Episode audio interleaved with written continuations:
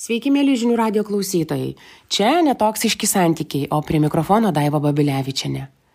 Artėjant pačiam gražiausiam, nors ir įtemptam metų laikui, kalėdoms, naujiems metams, mes visi jaučiame lėkimo, streso, neužbaigtų darbelių nuotaiką kas rūpinasi dovanomis, kas planuoja maistą ir pačias šventes, kas galbūt e, derina tam tikras sąlygas su, nežinau, pasimatymais su vaikais, e, tėtų giminių lankymą.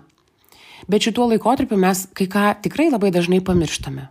Du svarbius dalykus - tai yra patys save pamirštame, savo poreikius ir pamirštame savo antrąją pusę. Todėl šiandien mano patarimai bus apie tai, kaip galima būtų išvengti to šventinio susierzinimo su antraja puse. Ir žinoma, susierzinimas su antraja puse gali kilti ne tuomet, kai mūsų santykiai yra geri.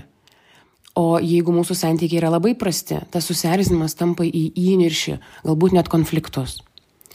Kalėdų stresas ir taip yra papildomas dirgiklis jau esamiems poros ar santokos rūpešiams kaip pinigai, būties darbai, rutinos planavimas.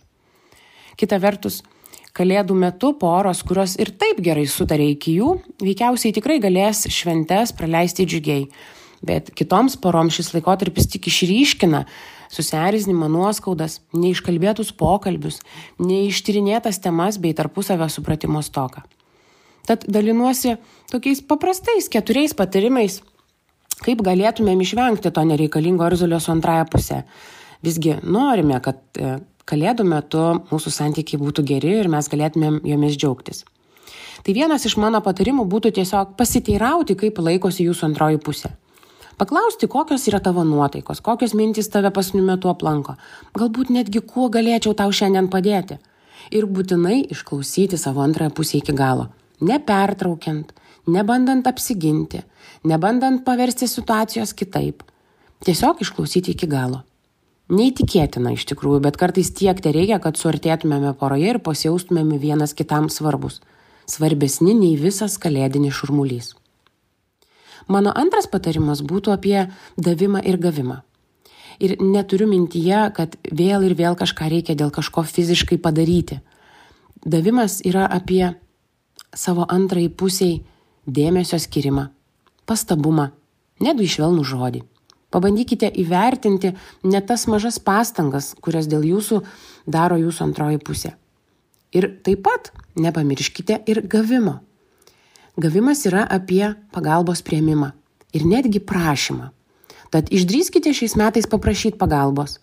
O jeigu jums kažkas yra siūloma, nesakykite ne vien dėl to, kad laikote save stipriu žmogumi ir manote, kad viską sugebate. Nes vis tiekgi žinom, kad kai darome viską vieni patys, vėliausiai vis tiek tampame pikti ir niršę ir turime viduj mažą skauduliuką, kad man niekas nieko nepadėjo ir aš viską turėjau padaryti pats vienas. Trečias mano patarimas būtų tiesiog nepamiršti linksmybių. Nepamirškite poros poreikių. Gal tikrai tarp kalėdų ir naujų metų tam laikotarpį jums tai reikia tik pasimatymo dviese. Namuose tas pasimatymas gali būti, gali būti mieste. Ir padarykite jį linksmą. Nes tai tas linksmumas duoda šiek tiek naujos dinamikos santykiams ir mes tada erzulį pamirštame. Prie linksmybių norėčiau pasiūlyti įtraukti, jeigu tik yra noras, veiklų ir atskirai. Galbūt jums laikas susitikti su draugais, galbūt jūsų antrai pusiai laikas prisiliesti prie savo pamiršto hobio. Pabuvę atskirai mes ir į porą grįžę tampame linksmėsni ir turime kuo dalintis na o ketvirtas svarbiausias patarimas tai yra pasižadėti sau kad šitas dienas reguliariai pasitikrinsite savo pykčio lygį. Yra daug geriau kalbėtis kol dar jaučiame kylantį susierzinimą negu laukti to momento kai mes pratrūkstame pykčiu įniršiu kalbama pakeltu tonu ar galbūt net šaukiame. Iš tiesų pasakius tai dabar galvoju kad idealiu atveju gal mes jau dabar žinome kas mus labiausiai erzins ir galime iš anksto aptarti tą situaciją su savo antrąja puse, kad išvengtumėme to bereikalingo įniršio ar susierzinimo. Tarkim, galbūt žinote, kad jums reikės e, dar dviejų rankų tvarkant namus. Arba galbūt žinote, kad e, jūs erzins, kad jūsų antroji pusė per daug prigamina maisto. Aptarkite tai švelniu balsu, kalėdinė nuotaika. Ir stebėkite, kad tikrai galima tada išvengti bereikalingų visokių mini konfliktukų ar susierzinimų poroje. Na, o galiausiai linkiu meilės savo ir šalia esantiems, bet tik taip, kad niekas nelaipėtų vienas kitam per galvas.